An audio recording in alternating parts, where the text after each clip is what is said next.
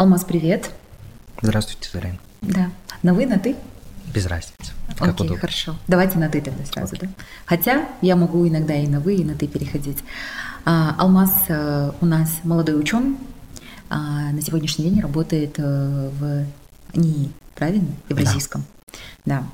да. А, Алмаз, вот расскажите, а, ваша основная область исследования – это история, а именно Ашаршлык Киза, да? То есть именно вот голодомор период, период голодомора. А, как все это началось и что сейчас важно знать, а, начиная от подрастающего поколения до, там, скажем, наших а, замандасов? Ну, тема э, моих исследований – это первая половина 20 века – это период становления советской власти Туркестане, в Казахстане. Э, из, них область это национальное государственное строительство. И, ну, по теме голода я пришел в нее э, через основной объект своего изучения, это Санжара Свиндярова, поскольку он был, боролся с голодом как в Туркестане, так и в Казахстане. И вот изучая эту личность, изучая его деятельность, изучая его борьбу против голода, пришлось, пришлось заниматься самим голодом, потому что в процессе исследования появляется очень много вопросов, на которые ты не находишь ответы в историографии, уже написанных работах, там, в других исследовательских работах нету этих вопросов, и тебе приходится идти в архив, а, копаться, пытаться найти ответ, потому что эти вопросы начинают сверлить мозг, и невозможно просто. Вопросов на самом деле в истории голода очень много.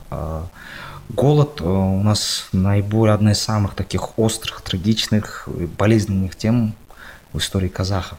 Там, допустим, период Ахтабан Шабарында, одно из самых трагических событий, да. Угу. Потом и вот голод. И э, голод у нас в Казахстане вот, имел несколько пиковых а, проявления. Это вот, допустим, 17-18 год в Туркестане, даже 19 год, можно сказать. Не все, к сожалению, о нем знают. Мне кажется, вообще даже о нем не знают.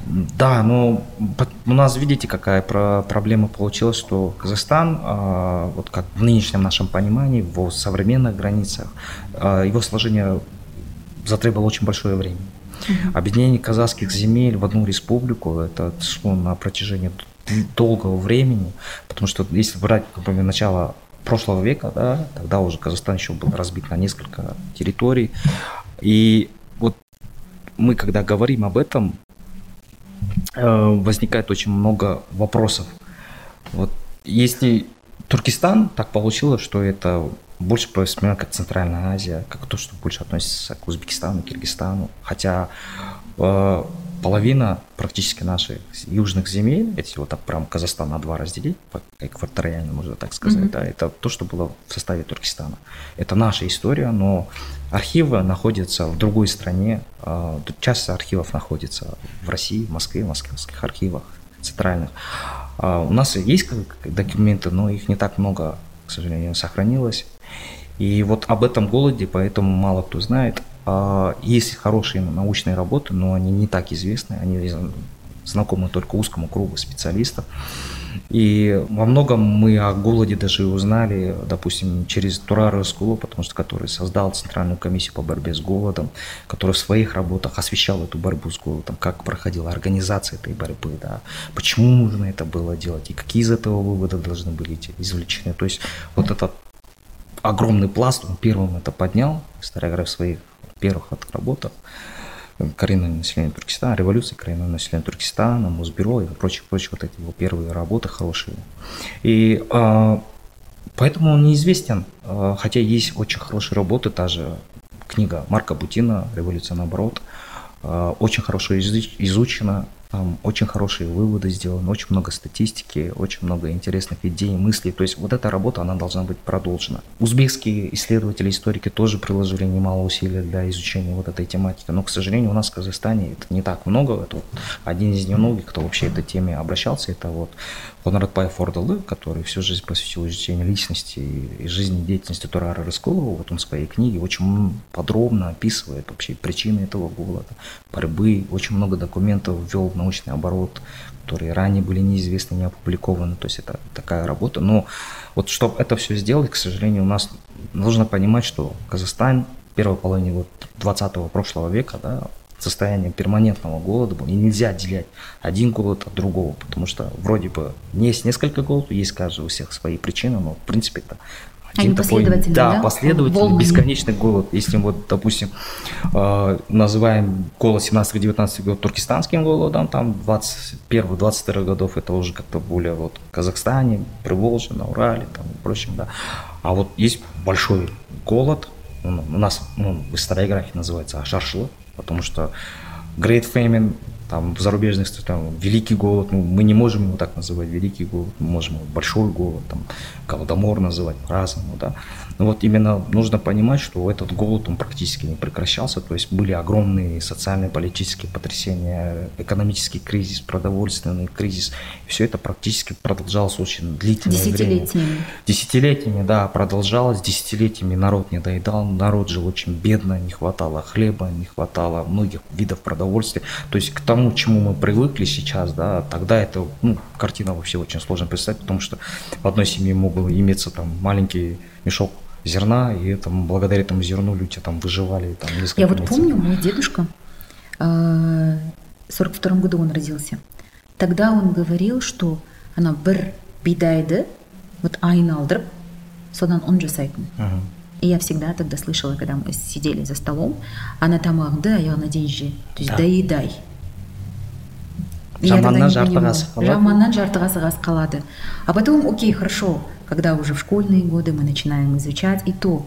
мы так поверхностно да проходим через все вот эти вот э, периоды э, трагические периоды именно казахского народа. Ну вот даже у нас в Казахстане, когда президент заявил о том, что необходимо изучать голод, да, там, допустим, опять разделили туркестанский голод, о нем даже не упомянули, это неправильно. То есть, если мы хотим, чтобы э, мы знали свою собственную историю, знали ее максимально возможно полно, как это можно сделать, и больше людей заинтересовалось, возможно, кто-то, прочитав там определенные работы, там, книгу того же Шархана Муртаза, Лжил там, о подвигах Раскулова, там, да, или еще какие-то книги, ну, через это, возможно, человек загорится и завтра придет в науку и начнет исследовать тему голода, и завтра у нас вырастет замечательный специалист. То есть вот это знание нужно максимально распространять, оно должно быть максимально доступно.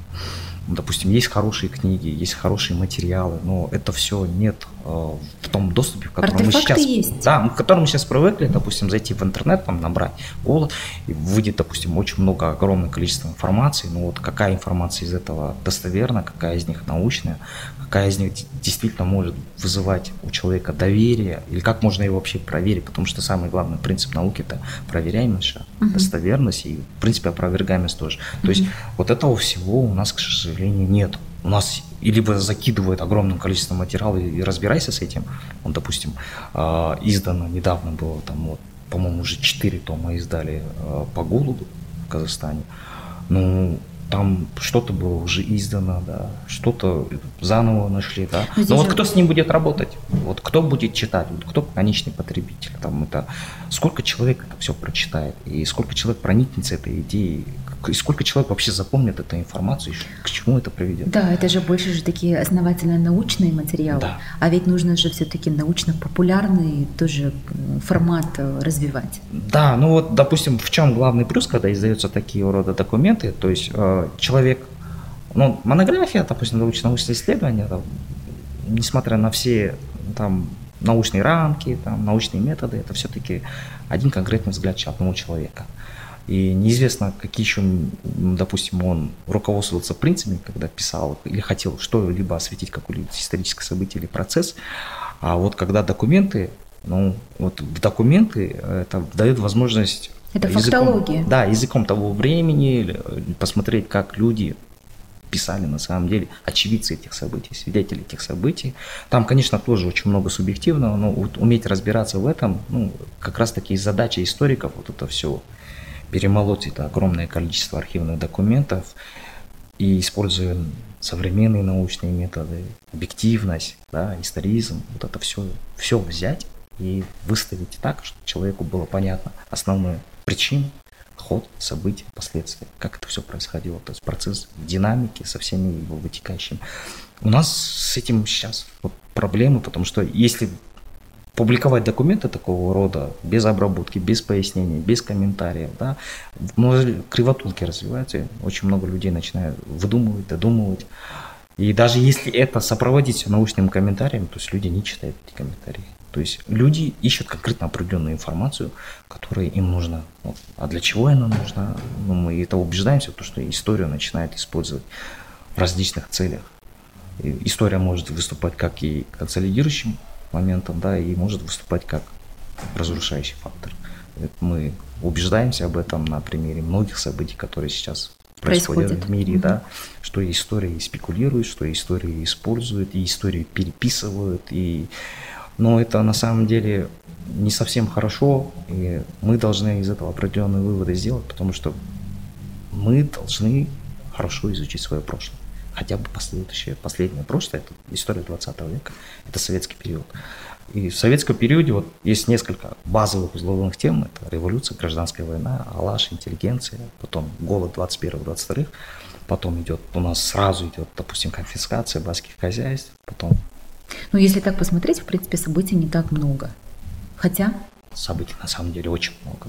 Угу. Если, допустим, 19 век брать э, и сравнивать, ну, знания о 19 веке, допустим, меньше, угу. потому что и документов меньше, и не так много исследователей. У нас вообще парадокс получается о 20 веке, о советском периоде очень много книг, очень много информации, причем и зарубежные ученые нам в этом помогают. И мы сами исследуем, но все равно очень много всякого различных событийность такая огромная, такая большая, и так много всякого взаимосвязанного, и очень много скрытых моментов, которые мы не видим, но не получается всю эту картину полную нарисовать. Ну, не однобоко ли? Да. Все и, было прописано. Да, и ну, ну, если брать советскую там историографию, да, там очень много. Там была хорошая фактология, там были свои, допустим, прогрессивные шаги, но в целом, если сравнивать с современным, допустим, знанием и как оно подается, как оно исследуется, как оно концептуализируется, актуализируется, ну, это, в принципе, несравнимо, потому что то, как раньше писали и как исследовали, сейчас уже никто так не исследует. И у нас огромная проблема в том, что вот голод, он, он мало изучен именно в том в современном плане. Если ни одной такой, допустим, монографии по голоду, написанной казахстанским ученым, на него нет такого, чтобы она была востребована там где-то за рубежом. То есть зарубежные исследователи не приезжают, они изучают э, научные работы, там статьи, публикации наших ученых, но дальше это никуда не идет. Это то есть узкопрофильно все. Это для узкого круга специалистов, в принципе, историки пишут для историков, можно так сказать. А если это чисто научный текст, это научная работа, то обывателю, тем более если это сейчас нынешнее молодое поколение, если сравнивать с советским поколением, все-таки там был какой-то базовый фундамент знаний, а, где прям вот так а, люди разбирались, что такое метод, что такое наука, да, для чего это нужно. Сейчас же этого нет практически. То есть если есть какая-то узкая прослойка талантливой молодежи, она может это понять, она может это обработать, пропустить через себя, а если брать другие, ну, это сложно.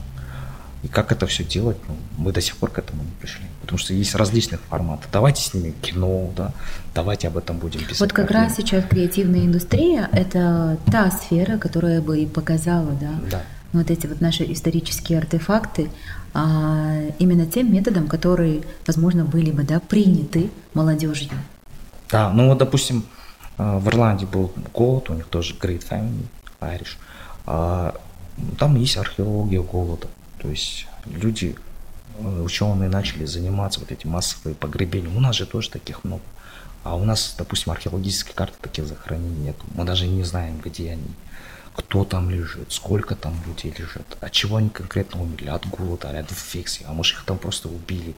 Что это происходило вообще? У нас нету, и на этих потом землях, там, местах, там люди строят дома, там, целые школы возвышают. Мы об этом не знаем.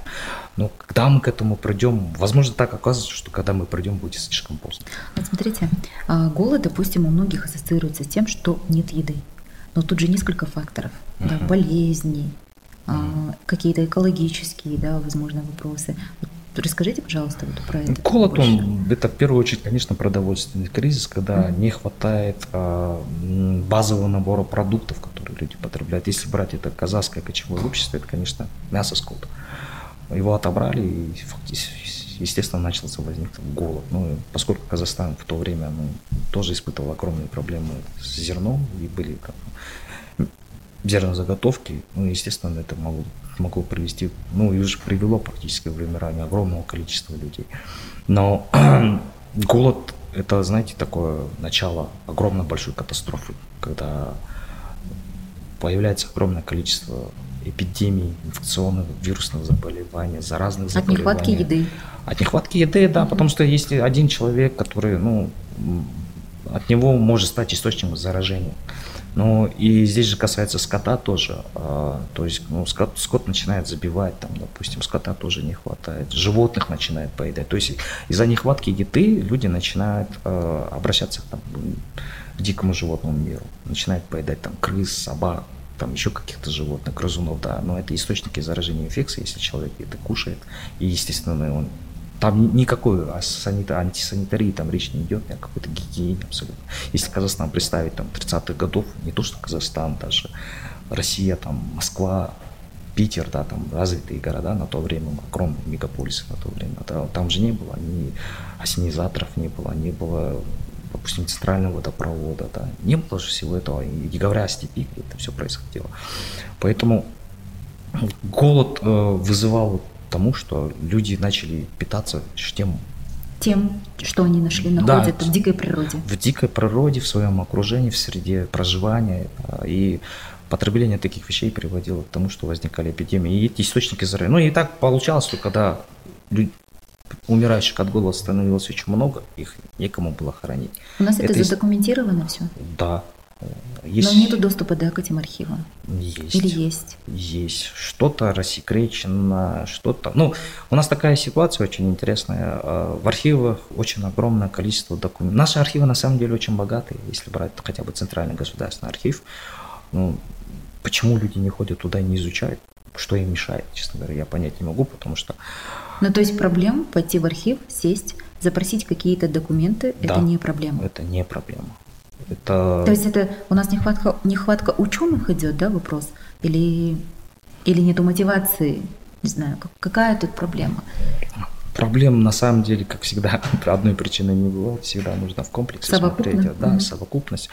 Потому что есть очень много амбициозных ученых, допустим, я даже одного знаю, там молодой ученый приходил в наш институт, говорит, я займусь демографией голода, я поставлю точку, что вот сколько, я да, сколько, да, столько, да? когда, и потом, когда он понял, начал работать над этим, он понял, что это ему не подлечу, и не за 5, и не за 10 лет он не сможет, то есть до него была группа ученых, которая этим занималась, там не одно то есть поколение. это должно быть какое-то поколенческое исследование? Да, да? ну это есть... в науке очень важна преемственность, то есть, есть никогда один человек один в поле не воин, тем более в науке.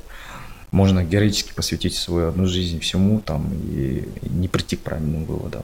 Но можно заложить базис, основу, и чтобы люди потом шли по вот этой уже дороге, и Воспитать, обогащали, да, да, обогащали это знание. Да, ну свои знания человек должен передавать. А у нас получается в Казахстане очень много профессоров, академиков, да, ну школ нету. И получается, и у них последователей нету. И нет того человека, который смог продолжить эти исследования. То есть исследование, наука никогда на месте не стоит, и важно это знание постоянно обновлять, осовременивать, то есть, чтобы они отвечали вызовам. Ну, потом, допустим, есть некие определенные методы или совокупность методов, которые работают только в определенный период времени. Проходит десятилетия, да, эти знания устаревают, то есть, а источниковая, источниковая база угу. остается, она то же самое, да, и если применить другие методы, да, раскрывается совершенно абсолютно новый мир знаний, который просто нужно изучить, раскрыть, представить в виде какого-то исследования. В каком виде, да, это будет научная статья, серия исследований, это будет какой-то большой фундаментальный труд, это все зависит, как организована сама наука, как организована сама историческая наука, ее инфраструктура, да, кто в этой науке работает, какие там условия созданы. То есть такая группа факторов огромных, больших. Я знаю очень много людей, которые интересуются голодом в Казахстане, но почему-то никто не изучает. Вот это парадокс такой. Вот у нас когда... Группа людей историков? Да, да. Даже в, в институт истории, вот, где я длительное время работал, приходили молодые ребята на обучение магистратуру, докторантуру, и, и мы предлагали, ну вот возьми вот эту тему, она связана с такой темой, с этой темой, да, это перспективно, это изучать, хотя бы Казахстан в годы войны там, или военной истории. У нас нету специалистов. Ты займись этим завтра, в будущем, да, ты будешь штучный специалист, который изучит вот это все первым, прокопает вот это все, откроет, раскроет, покажет, представит, и у нас благодаря тебе будет новое научное знание. То есть откуда мы узнаем, допустим, да, о кавалерийских дивизиях в Казахстане там межвоенного периода? Ну, нету такого знания. То есть был какой-то там отдельный горно-кавалерийский полк, горно-территориальный полк.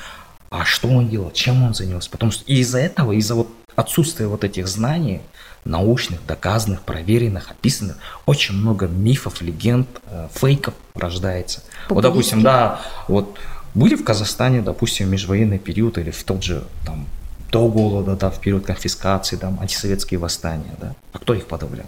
Какими силами? Кто э, поддерживал общественный порядок? Были среди них казахи? Какое их было количество, да? Как они подавляли? Какие методы используют? Что у них было на вооружении? Вот никто не знает. И когда ребятам говорят, что ну давайте, ребята, займитесь, давайте мы будем это исследовать. Вот ты будешь этим заниматься, мы тебе поможем. И потом, возможно, это перерастет в нечто большее, какую-то школу, направление. Давай, ну, все бегут все хотят заниматься какой-то определенной маленькой узкой тематикой, либо уходят в историографию, где вообще не нужно ходить в архивы, и просто пишут, пишут, пишут, защищают. И, а дальнейшего... А все это на ветер. А, ну да, получается, не сколько даже на ветер, а определенного вклада в науку нет. Угу. То есть, ну, условно говоря, в науке же ничего бесполезного нет, она строго подчиняется законам физики, ничто не исчезает, не появляется ниоткуда, не исчезает никуда. Ну вот сейчас есть программы, да, там Жас Халым, там еще какие-то дополнительные программы, где, в принципе, прописывают угу. да, направления, которые нужны в науке. Да, прописывают, но там же, видите, там есть, требуется научный задел, там угу. требуется определенное количество публикаций. Да, Которых да, нету. Да, к этому нужно, это не так, вот я, я захотел сегодня заниматься голодом, я иду подаю на кокс, я просто... А у тебя должен быть бэкграунд. Да, должен быть бэкграунд, то есть человек должен к этому, системно к этому идти, либо кто-то должен его направлять. Угу. Вот, допустим, э, в середине прошлого века, когда Институтом истории возглавлял известный академик Насупиков, сам Памфиловец, да, специалист по военной истории, и они вот как раз, поскольку преподавали в Казгу, в других алматинских вузах, на исторических факультетах, они искали самых талантливых ребят. Приглашали в институт, давали им неизученные темы, и этот человек изучая эту тему, то есть, получается, становился от первооткрывателем многих тем. И благодаря этому возникли школы, там, последователи, благодаря этому появились вот эти, допустим, закрывались белые пятна. Это было очень. Сейчас же, к сожалению, такой работы нет. Непонятно, кто чем занимается, кто что исследует, нету ни единой базы. А, допустим, есть кто-то опубликовал какие-то статьи, но они в общем доступе могут появиться через 4-5 лет, да, а в тому времени у человека уже проект закончился. То есть он же не может потом обратно, там, из-за у кого статья появилась, переделывать все, а возвращаться, то есть это неправильно. Не, ну при всем при том даже, да, если мы захотим там написать хорошую статью научную, mm-hmm. да, которая там будет э, рецензируемая в базах там Scopus mm-hmm. или Web of Science, это тоже требует определенного времени. Ну, у нас, видите, э, требования поставили, ну, это правильные требования, они современные, они прогрессивные, они нужны, потому что очень важно научить людей писать так, чтобы, ну, чтобы мировая наука, да, да, чтоб, мировой наукой был воспринят казахстанская наука. Да, да, да, чтобы тебя, во-первых, твое исследование признали, его угу. оценили, угу. и ты прошел вот через это сито рецензирования слепых. Это очень важно, но, во-первых, нужно научить людей писать так. И если вы пойдете, допустим, на... Не только этой истории касается, это и многих гуманитарных факультетов касается. Ну, этому не учат когда даже в магистратуре многие проходят обучение, там, новые научные методы исследования, да, там, те люди, которые это преподают, не в обиду им сказано, не все знают, что тут научные методы, не все читают современные.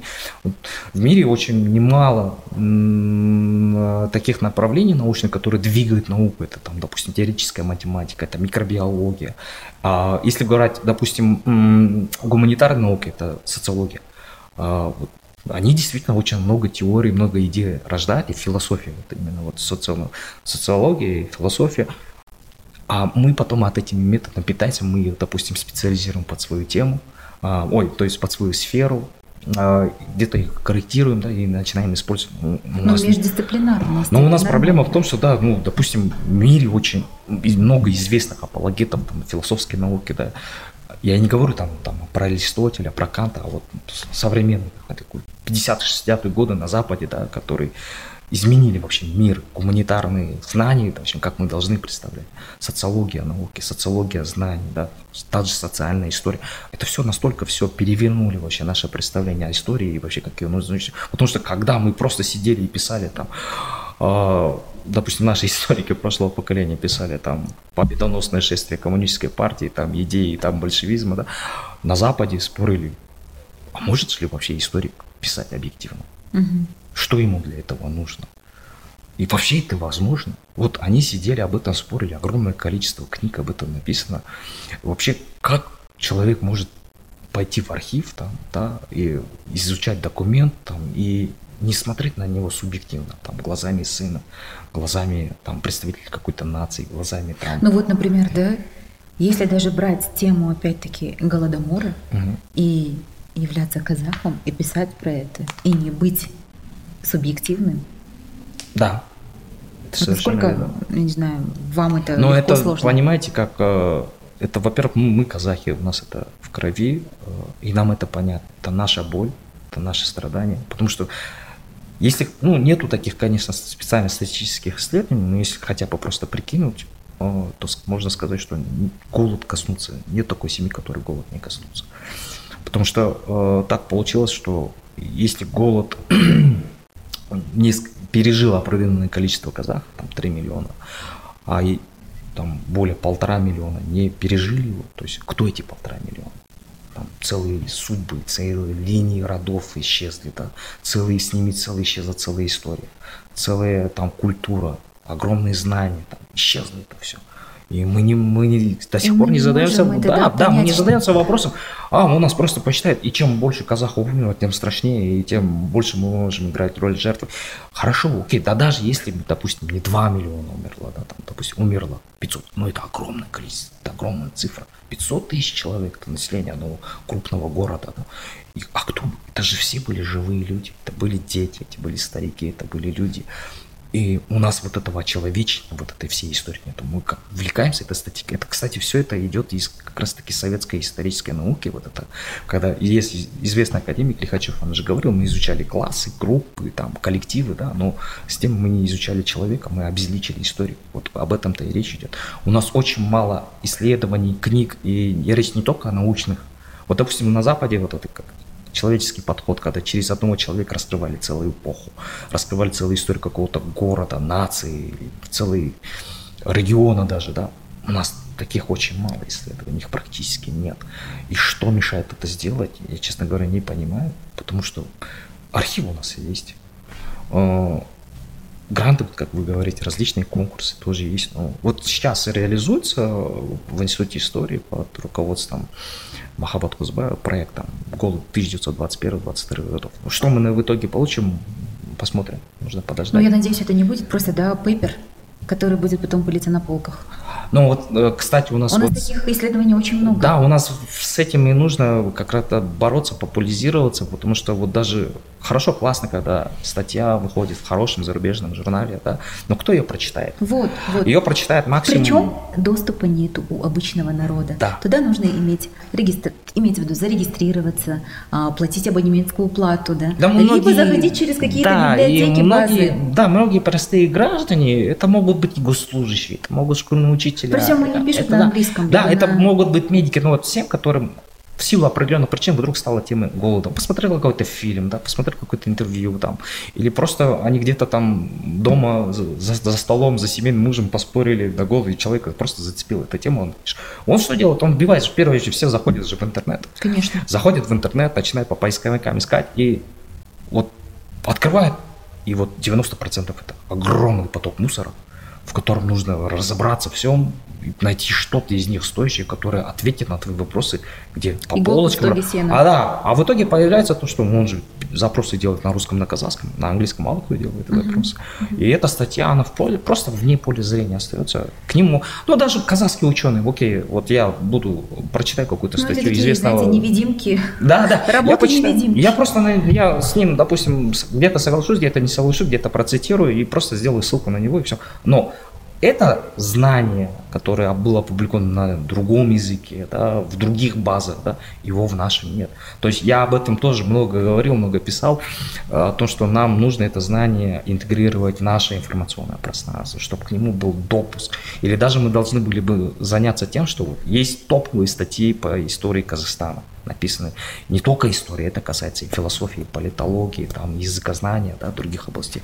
Это несложно найти, перевести и сделать так, чтобы наши люди... Это же нужно для ну, принятия даже многих решений, которые на стране принимаются. Это различные концепции, стратегии, программы, да. Ну, вот это, Ценности. да, вот эти все ценности, которые даже когда у нас люди начинают обращаться к каким-то вещам, заходят, в первую очередь, статистика нужна. Заходят на статгов, там, да, смотрят комитет по статистике, и многие не находят. Вот я, я не знаю, да, вот в Казахстане, допустим, нет у меня такой статистики, да, сколько историков? Вот нет такой статистики. Вот я Сколько- хотела спросить, вот сколько сейчас историков у нас есть в Казахстане? Не, ну есть данные, да, да, допустим, да, там сколько кандидатов наук, да, сколько докторов наук, да. А их достаточно, чтобы изучить нашу историю? И- нет, И конечно. сделать вот очеловечить. У нас мы любим вот говорить, мы гордимся историей, что у нас очень древняя, богатая, оказывается, Степная. да, степная, там и много культур, да, там на стыке зон, там на стыке цивилизаций.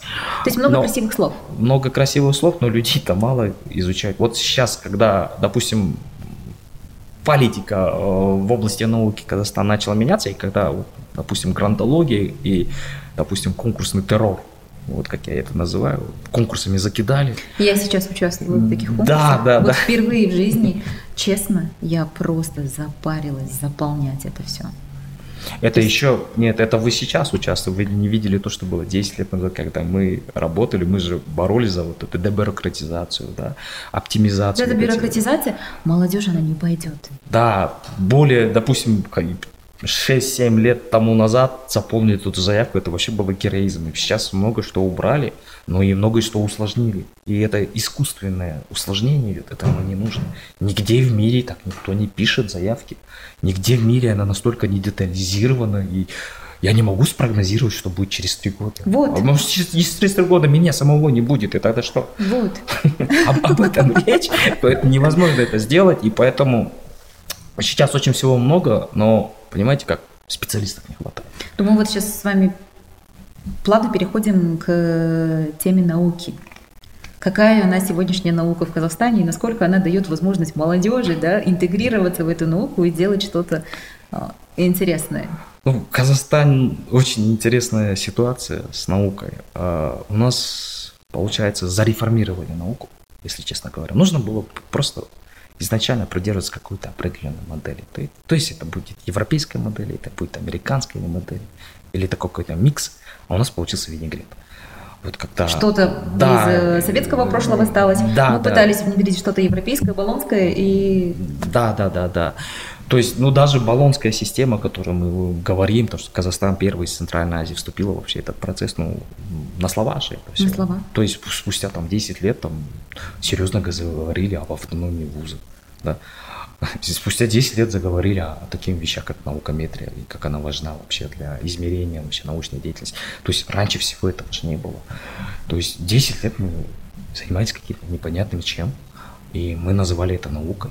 И мы гордились, что у нас какая-то наука есть. Но если брать объективно, изучать это все и объективно, то получается, что есть наукообразная наука. Что-то похожее на науку, но это сложно назвать наукой. Это не большая наука, это не высшая наука. И те люди, которые называются у нас учеными, но я не в обиду, там многих тем есть, у нас и очень талантливые ученые, которые внесли вклад э, в развитие науки, Но их которые, от- да, единицы. их открытие, которые, да, и это единицы, это исключение даже, можно сказать, потому что в той среде, которая у нас есть, антинаучной, псевдонаучной, околонаучной, такие кадры, в принципе, это не должны. Это просто талант, это стечение обстоятельств, это судьба человека. но это никак не результат работы системы. Потому что очень, если мы, мы просто говорим о тех людях, которые добились в науке определенных успехов, но почему-то никто не говорит о тех людях, которые были очень талантливы. Их э, исследования были очень востребованы, но потом их просто в науке не оказывалось, не ушли из науки. И никто у них не спрашивает в интервью, а почему вы ушли из науки? Что? И где вот, вы да, сейчас? Да, где вы сейчас, да, и не хотите ли вы вернуться и вообще, а какой стал переломный момент? Вот вы пришли на кухню, там увидели, да, что у вас ребенок ходит в порванных носках, и вы просто решили для себя, говорит, нет, все, я останавливаюсь. Я да. пошел зарабатывать. Да, я пошел зарабатывать, потому что это мой ребенок, я за него в ответе, кем он вырастет, да. А ну, наука, ему пусть займется кто-то другой. Я дал все, что мог. Он был, может быть, хорошим кандидатом. Но я вот знаю одного доктора наук, я познакомился с ним в Узбекистане, да, который 10 лет копал базу там туркестанских евреев, потом это все собрал, поехал в центр Казахстанский Холокоста. ученый? Нет, нет, узбекский ученый, поехал, продал. То есть я потом, ну, человек получил те условия, которого он заслуживал в свете своего исследования. У нас в Казахстане, к сожалению, так происходит, что... Но неужели опред... наша наука, она настолько ну, бессильна рядом, допустим, с той, с той же узбекской наукой? Не, ну это один пример, он никак не показать, и просто человек попался такой целеустремленный mm. и захотел все вот это добиться этого, несмотря на... Ну, мы даже не знаем, ну, чего ему на самом деле это стоило, каких жертв. И в Казахстане ну, каждый ученый грубо на счету. Ну, там по новым, по-моему, статистике, если раньше было 28, сейчас говорят о том, что их стало больше, ну, может, 30-31 тысяча. Ну, если там нач- делить на, на общие там наш 20 миллионов населения, там, ну, условно говоря, каждый 10 11 занимается наукой, это очень мало. Это очень мало, и учитывая то, что наука сейчас во главу угла всего ставится научные методы, научное познание. Мы это, кстати, увидели, когда была пандемия. Мы поняли то, что у нас не хватает ни ученых, ни медиков, не Особенно вообще людей, медиков. да, вот мы, была Даже с одной психологов. стороны, да, пандемия, а с другой стороны инфодемия, и у нас, оказывается, не хватает и профессиональных а, журналистов. Журналистов, да. да которые, нас, могут да, которые могут анализировать и давать достоверную информацию. Да, да, да. И, с данными. Ну, вот те, как стоп-фейк, начали проекты различные появляться, да. там, антифейк, там, факт-чекинг различные, да, многие вещи начали появляться, и все это происходило. Но наука Казахстана, она сейчас, можно сказать, это даже я, это не гибрид, это какой-то мутант. И... Я помню, а, не помню в каком году, а, писала статью, а, брала интервью у Досма Сатпаева, тогда он сказал, наше, наше образование – это Франкенштейн. Угу. И вот примерно, возможно, и сейчас можно да, сказать. Ну, это вот как мы, когда ученые собираемся, говорим, да, говорим про науки, о проблемах науки. Ну, если сюда же посадить спортсмена, и спросите о том, что происходит с спортивным, тоже вам сам скажет. Наша спортивная сфера – это отсталая, мутант, динозавр. Пригласите сюда медика, он вам тоже самое скажет. Пригласите там строителя, архитектора, художника, деятеля искусства, то же самое будет. То есть это не только в науке, это во всех сферах, основных сферах жизни деятельности, которые у нас в Казахстане имеются. Наука одна из них – и у нас вот просто обманчивая картина сейчас. У нас новый деятельный министр, которого очень многие любят, поддерживают, да. Молодой, инициативный. Молодой, инициативный, да, вроде работает, но если брать... Э... Но там же система, это же не зависит да, от Да, если говорить человека. объективно, мне Асхат Канадьевич глубоко симпатичен, э, и я ничего против него не имею, но то, что происходит в науке, э, эту науку за те там сколько он уже, два года, да, угу. можно было бы попробовать сделать больше. Это мое мнение. Может, я, может, Больше мне как? Больше как, но вот то, что происходит, это косметология. Мы и раньше говорили, да, вот не нужно увлекаться чрезмерным информизмом, да, не нужно вот прям обратно нагромождать всю эту систему. Вот чтобы система начала работать, нужно очистить. Ну вот Честно у говоря, как, у, нас, у нас обычно каждая метла метет по-своему. Пришел да. и. Но это о чем говорит? О том же, вот когда мы говорили, что нету преемственности. Ушел один министр, и с ним ушли, ушло все знание. Угу. Пришел новый министр, сказал, нет, это все неправильно, мы меняем все. Или у нас все завязано на министре. Нету, вот, допустим, вот этого контакта. У нас не выстроены процессы, у нас не завязано все на людях. Да, да. да. Завязано на люди и от его определенного взгляда. Вот. Понимает он это, не понимает. Но этот процесс может быть настолько сложный, что для него непонятен, но он может быть нужен. А, и он говорит, нет, я этого не понимаю, я, я с этим не согласен. А вот, допустим, мы говорили о необходимости создания единой базы для казахстанских ученых, единой базы, где отображали их научные труды, Но этого же не появилось. Так. Кстати, вот мне очень что нравится во Франции. Я очень много работала именно с французскими базами. Они никогда не прибегают к американским базам. Да. То есть у них есть свой национальный там керн, отображены работы научные именно французских ученых. Ну, я не помню, это точно какой год, то ли 16 то ли 17 год был. Был тогда один известный председатель комитета науки, который отвечал на вопросы, да, меня спросили, когда у нас появится казахстанская база да, ученых, статей, там, научного материала. Он просто сказал, говорит, а зачем она нужна, когда есть международный? То есть люди, которые отвечают за организацию, вообще за государственную политику. Она свою, нужна как воздух. Ну, им, ну, я же вот о, о том, о чем я говорю, я могу говорить о каких-то вещах, они, им просто будет непонятно, потому что они внутри науки не... Вот когда они встречаются, вот часто там сейчас, у нас очень любят министры пиар, они встречаются с определенным контингентом людей, которые потом из благодарности начинают Популизм. их расхваливать, да, там писать посты и прочее, прочее. Окей, все классно, да, но здесь получается так, что где результат? Где результат? Его нет. Вот мы говорили о плагиате. Это одна из самых таких проблемных. Это, это болячки наши это даже не полячка, это, я даже не знаю, как это назвать, она просто проела всю систему. Это не касается не только науки, потому что плагиат он везде, в искусстве, да. в музыке, в медицине, а абсолютно везде. И это идет со школьной парты и заканчивается просто там, что даже наши депутаты там сидят, воруют, там читают чужие Кстати, здесь я бы хотела отметить текст. касательно вот шпаргалок. Я помню, когда э, впервые пошла сдавать экзамены э, в Страсбургском университете, э, я помню, просто ни у кого абсолютно не было шпаргалок. И причем, причем, а если тебя поймают со шпаргалкой, тебя отстраняют от э, университета, от, от вуза до пяти лет и не дают разрешения получить водительские права. Да, у нас, а когда говорят о плагиате, говорят о том, что мы в будущем будем бороться. Мы там купили турнитин, да, там мы ввели такие-то правила, мы там... Окей, классно. А что с тем было, что уже прошло? Ну, преступление не имеет срока давности неважно, там, человек 20 лет назад своровал, 15 лет своровал, да, но он присвоил чужой труд, и благодаря этому труду он получил ученое звание, там, научную степень, да, там, должность получил, да, человек, в общем, могу сказать, ну, он же всех обманул, научное сообщество. И причем у нас же не отличают там плагиат от чего. Есть плагиат, есть подлог, есть научное мошенничество, да. И есть очень много вот этого всего, на что он держится, но с этим никто не хочет бороться просто категорически закрывать на это глаза, как будто это не существует. А хотя мы, если говорить о науке... Но мне да, кажется, здесь даже реформы не помогут. Никакие.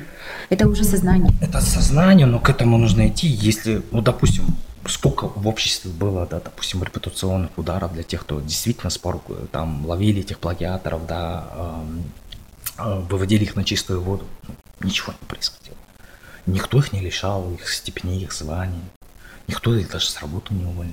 Возможно, только порицали. Да, да, порицали, все. порицали, ну, человек там, грубо говоря, И через три дня все забыто. Да, отключился там, от, ну, все думают, как, ну, я сейчас вот пережду, там, пройдет определенное количество времени, там, полгода, год, а, и все забудется. Ну, а потом обратно новый такой. Да, ну есть которые люди, которые не забывают и постоянно об этом напоминают, но большинство людей, ну как на Фейсбуке я всегда говорю, меня спрашивают, почему вы там удаляете посты, я говорю, я Это, не кстати, ваша самая я, любимая тема. Я не удаляю, я говорю, я скрываю, потому что, ну, пост живет три года, ой, mm-hmm. пост живет три дня на Фейсбуке, все, через три дня и никому не интересен, здесь такая же ситуация, вот где мы сейчас, допустим, нашли факт вопиющего плагиата в какой-то работе известного казахстанского ученого, которому верит вся страна как эксперту, специалисту mm-hmm. в области истории, в области медицины, неважно, да, какой области, да. И ну что произойдет? Все поругают, поругают, и все, и на этом разойдутся. И, а конкретных инструментов, как это все добиться? Мы говорили о том, что да. А вы сами вот не думали э, идти в администрацию и как-то а это, не, а это, это невозможно. Это невозможно. Во-первых, для того, чтобы министерство, как оно устроено, да, это фактически это центральный аппарат, и министр аппарат этого, министр этого аппарата, но не как все целые сферы. Притом и одновременно тащить и образование, и науку это нереально. А, ну и поэтому они, конечно, делегируют свои определенные полномочия там, председателю комитета, вице-министру, который курирует науку, да. Но так получается, что в сумме это не работает. И комитет науки, там где 40 человек с низкими заработными платами, и в котором в огромном бюрократическом прессе и документообороте живут, что-то что проанализировать, да, что-то создать новое, да, придумать вообще систему, это невозможно. Это утопия. Вот для того, чтобы это изменилось, нужно менять многие инструменты. Даже можно вообще пересмотреть, вообще целесообразно ли существование министерства в таком виде. Зачем оно нужно, если оно не работает? Мы, вот меня больше министерство напоминает это пожарников. Вот, вот. Которые быстро пошли потушили. Да, да, вот там, допустим, случилось? произошел какой-то неприятный инцидент в школе, там, прибежали, все потушили, там, э, случился конфликт с учителем, там, министр высказался, все хорошо, там, я пришел, спросил, там, будет, там, никому не дадим в обиду, закон о педагогах работает классно. Там, допустим, какой-то ученый написал пост, сказал, вот что это происходит. Все, ему позвонили, с ним договорились. Он, и все классно. закрыли. Да, но это, понимаете, это как вот... Залатали. Да, да, вот что-то валится, и просто человек пытается все это скрыть, искусственно залепить, да. Ну, может пройти... ремонт да, в Хрущевке. Да, может пройти там, ну, два, один год, да, и все это развалится абсолютно. Потому что не работает система, и мы должны создавать системы. Неважно, кто станет министром, это будет Процессы. ученый или какой-то авторитетный политик, да, неважно кто, одинаковый спрос должен быть со всех. И система должна работать. У нас как вот сейчас делать, вот нужно какую-то назрела определенная, назрела определенная проблема, которую хотят решить ученые, да, там, создают рабочую группу, потом это все типа внутри обсуждать, но никто потом с учеными это не обсуждает. Собираться в зумах там, 400 человек приходят, там, да, ученых, да, и начинают обсуждать, там, мозговой штурм, это все называется, да. А один там Ахсакал придет, которому 80 лет, и он рассказывает, какая наука была 40-50 лет назад. Тут один заявляется, говорит, а что вы говорите, я там зарубежный ученый, я крутой, у меня индекс Хиша там столько-то. Другой, и вот эта огромная ярмарка, а вот кто реально все знает, все понимает, они спокойно сидят. Они молчат, да? Да, они пришли, они, им интересно, о чем обсуждают, о чем говорят, и вообще к чему они придут. Вообще, как проходит процесс. Вот мне в последнее время, я там раньше тоже активно во всем этом участвовал, но мне сейчас просто позиция наблюдателя больше Я лучше энергию потрачу на да, да. лишний раз сходить я, в архив и почитать, да? Да, я интересно. это все вижу, мне в принципе понятно, потому что если не менять переменные, ничего это работать не будет. А зачем тратить столько много сил на то, что не работает. И что, в принципе, не должно работать. Но знаете, вообще тема науки, она очень больная и очень щепетильная, очень интересная и глубокая на сегодняшний день, потому что одна из таких тоже важных направлений а, для нашего современного Казахстана. Здесь я бы еще хотела бы поговорить помимо науки и проблемы в науке о вашем исследовании, чем вы сейчас занимаетесь, а на какую тему вы сейчас больше да, ведете ваши э, research работы. И расскажите, пожалуйста, об Асфендиарове. То есть хотелось бы, чтобы э, нас, наши слушатели, которые нас смотрят, тоже знали, кто такой Асфендиаров и какое э, он, что он сделал для становления нашей нации. Угу. Ну, тем на самом деле, получается, жизненных исследовательских тем бывает, в принципе, одна. Uh-huh. Ну, и бывают смежные с ней темы, которым ты занимаешься, потому что какой-то вспышки идеи может произойти когда угодно, когда ты читаешь работу, там смотришь кино или просто едешь там в автобусе, в машине. Да, да вдохновение приходит, ты говоришь, как я раньше до этого не додумался, и из этого происходит uh-huh. тема. Но тема моя не остается неизменным, период мой известен, сфера моих направлений известна, чем я занимаюсь, поэтому если что-то от меня и ждать, какую-то отдачу, что-то новое именно в этом. Вот, допустим, одно время мы занимали, занялись изучением военной истории, это история национальных воинских соединений Казахстана сформировалась из числа казахов, там мне попало. Я отвечал за кавалерийские дивизии. Для меня был это новый вызов. А, ну, мы выиграли проект ГРАМ на три года. И мне очень стало интересно. Я ездил и в Министерство обороны, архив в Подольске находящий, да, и в Усть-Каменогорск, где дислоцировалась 96-я кавалерийская дивизия, и в Тарас, где 106-я, 105-я дивизия, 106-я Бахмутинск. То есть мы эти все документы собрали, мы это писали, да, но я не специалист по военной тематике, то есть я Три года я выжимал себя максимум, я очень много читал, я много исследовал, и результатом стали, там, допустим, наша статья, наша монография, что в итоге родилась.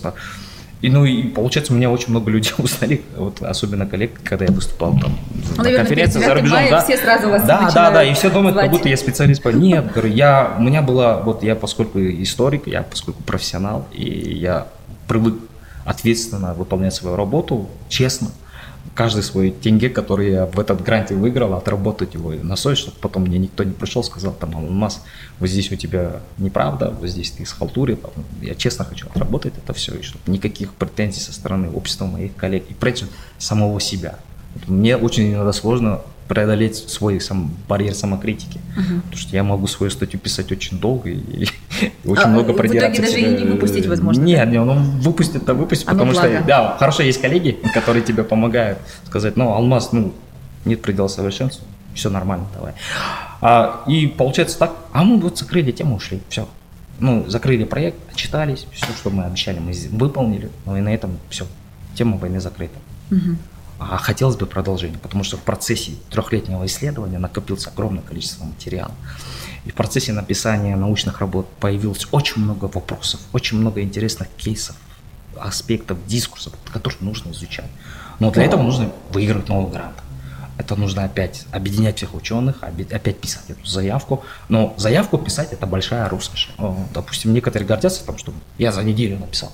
Ну, он говорит, я за неделю написал. Молодец, говорю, но при этом, получается, у тебя 5 лет ты к этой заявке шел. Но вот в истории вообще сложно. Он говорит, новую тему, новую тему. Мы, мы даем новые темы, новые актуальные темы, но мы не знаем, что нас там ждет. То есть мы имеем примерно может, проект, А там просят прям план, драфт проспект, да, да, ну, грубо говоря, условно дорожную карту, которую мы видим, но потом, когда начинаешь реализовать, столько всего появляется нюансов. Вот у нас был это, такой интересный проект, мы выиграли история борьбы против эпидемии неинфекционных заболеваний в Казахстане. И когда мы, мы думали, да, материалов мало, и пошли когда в архив, начали все это поднимать, э, такие документы мы материалы нашли, что у нас, честно говоря, мы были в шоке. Где можно это все почитать? М, Это секрет. Вот просто мне бы хотелось бы вот э, внизу э, нашего видео дать ссылки на ваши материалы. А, ну да, Да, нет, эти, почитали. эти ссылки, да, на эти статьи я могу дать, а вот на архивные документы, потому что Ну, на это еще, документы, да, да, это, это- еще потому что не обработано, и там очень много таких сенситивных моментов, сенситивных, Чувствительных. да, Мгм. и еще рано это, это нужно осмыслить, обработать. Сколько времени нужно будет, чтобы мы Ну, и для этого новый грант нужен. познакомились, ознакомились с этим? Новый грант нужен, потому что ну, в современных условиях человек, Тогда мы ученый ждем- не существует вне гранта. Ждем, ждем нового гранта. Да, да, да. Нет, а там другое. Мы просто уперлись в то, что э, нет статистики достоверной э, статистики. То есть есть огромное количество статистических материалов в архивах, и одни противоречат другим. То есть один регион, один период, там, допустим, движение заразных заболеваний в Казахстане. Смотришь, э, проверяешь даже саму таблицу, когда посчитываешь, она не бьет итоговую цифру. И ты начинаешь другие источники, другие материалы находить, смотришь, и эта цифра не работает. Но Мгм. ты историк, ты должен давать максимально достоверный материал или хотя бы пояснять, откуда эти цифры берутся. Но этого у нас, к сожалению, не делается. Вот мы когда столкнулись с этим, мы очень брали. И ну и получается, как говорит, вот опять теперь, чтобы вернуться к этой теме, нужно новую, новую какой-то грант выигрывать. И это бесконечная цепочка, ну это очень тяжело. Ну, если у нас по- получится, потому что у нас э, по времени тоже э, нужно закругляться, Хорошо. если мягко сказать. Но хотелось бы вот буквально пяти Вкратце. минутах рассказать Про вкратце про Свиндиарова. А Свидяров Просто это... я бы хотела бы, да, чтобы наши слушатели знали, что Свиндиаров это не только э, там, э, связано с университетом да, медицинским, а тут есть все-таки такой больше благородной и более богатой да, истории. Ну да, я занимаюсь очень длительной темой, и все меня знают как санжароведа. И я к этой теме пришел, на самом деле, очень случайно. До того, как я пришел к этой теме, я сам не знал, кто такой занимался. Ну, честно признаться. Потом, когда начал копать, и выяснил, что человек очень мало исследован. А потом, когда начал уже более рас- раскапывать, докапываться, это все, я понял, что человек вообще недооценен, один из недооцененных личностей в Казахстане, потому что, ну, его вклад а, в практическую деятельность вообще, то, что у нас появилось университет, наук, медицина, вообще, что многие казахи сохранили жизнь, это его заслуга. И когда видишь, что в Алматы, допустим, именем его названа одна самая маленькая там улица в районе там первой Алматы, ну, это, честно говоря, стыд. И вот а, у- а университет Асфендиарова, да, ну, он же был раньше Молотов, там, Алматинский медицинский институт, а его имя присвоит, каких огромных трудов стоит тогда. И хорошо, там сейчас асфендиаровцы, они говорят, медицинский институт мало что делает в плане именно пропаганды, знаний, кто такой асфендиар Вот. Кем он был, многие, кто-то знает его как историк, кто-то как знает, как его медика, кто-то потом хана Абулхаира, а вот как сам Асфендиаров, его мало кто знает. Вот я сам когда изучал, но это, получается, официальные архивные документы, то есть документы государственных органов, да, но там нету личности. И я очень долго копался, искал различные воспоминания, находил. Это по крупицам буквально нужно было восстанавливать, потому что человек был репрессирован определенное времени. И вот научные труды хранились в спецорганах, а его само имя предано было забвению. А потомки, ну, поскольку они подверглись репрессиям, а, они были не такой особой активности не проявляли. Даже вот сейчас, если там встретите, встретитесь, переговорите с правнучкой Асфендиарова, да, они сами скажут, я много чего, я не знаю, вот есть историки, они вам лучше расскажут, кем был мой там предок. И, а, ну, самая главная заслуга Санжара Свиньярова это вот, конечно, борьба с голодом в Туркестане.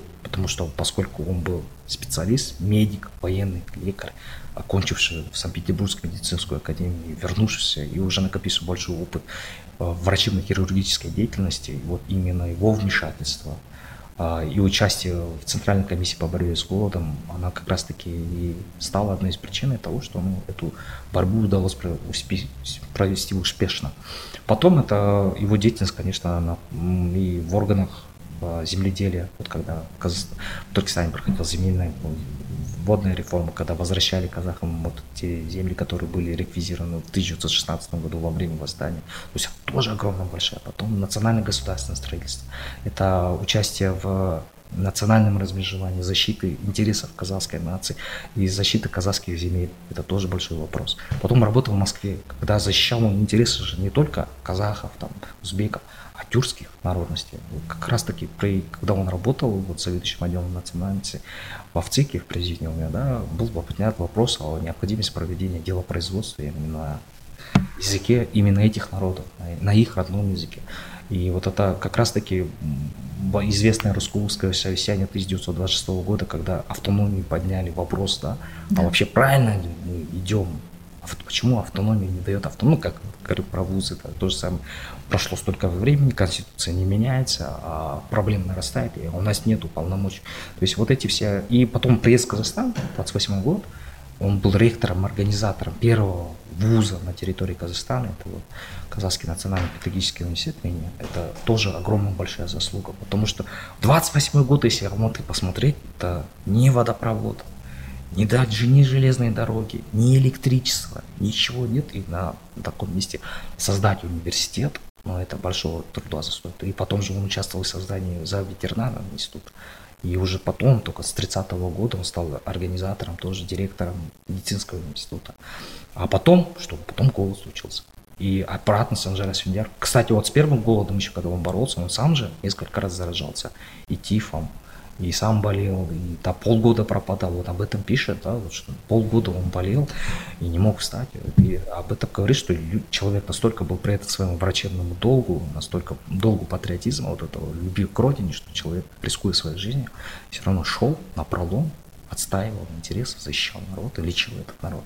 И 31 вот даже у него несколько статей есть, он где поднимал, что необходимо воспитать кадры казах-медиков, которые будут лечить казахов на их родном языке потому что очень много терминов, там, названия костей, там, каких-то органов, которые, допустим, приезжие э, врачи не понимают. Вот как он будет объяснить, там, сокрыщи. Просто люди да, тоже там, не да, могли да, да, объяснить. Сиксгуз, да, как это все, вот, те, которые термины именно казахские, которые издавали идут, многие не знают. То есть казах должен вот так, как мы сейчас сталкиваемся, вот, допустим, если еще 20 назад, лет назад взять сферу медицины, мало было врачей казахов, сейчас идешь в больницу, все с тобой на твоем родном языке разговаривают, қазақша сені ем келеді емдейді қалың жағдайын бәрін сұрайды это очень классно. Әсіресе үлкен Да, особенно да, для старшего поколения. И потом, конечно, это создание э, Центра научной мысли, это казахский филиал Академии наук, от СССР, откуда потом возникла Шарашнову Академия наук. Он был в президиуме, он возглавлял комиссию археологическую. Mm-hmm. То есть вот это все, все вместе взять, огромные большие достижения, заслуги. Мы У нас уже время. Все. Да. Алмаз, спасибо большое за увлекательную, интересную беседу. Я думаю, э, она должна быть обязательно еще продолжена. А, ну, естественно, время покажет, и я вас обязательно еще раз приглашу. Спасибо. Спасибо большое за приглашение. С удовольствием приду. Спасибо.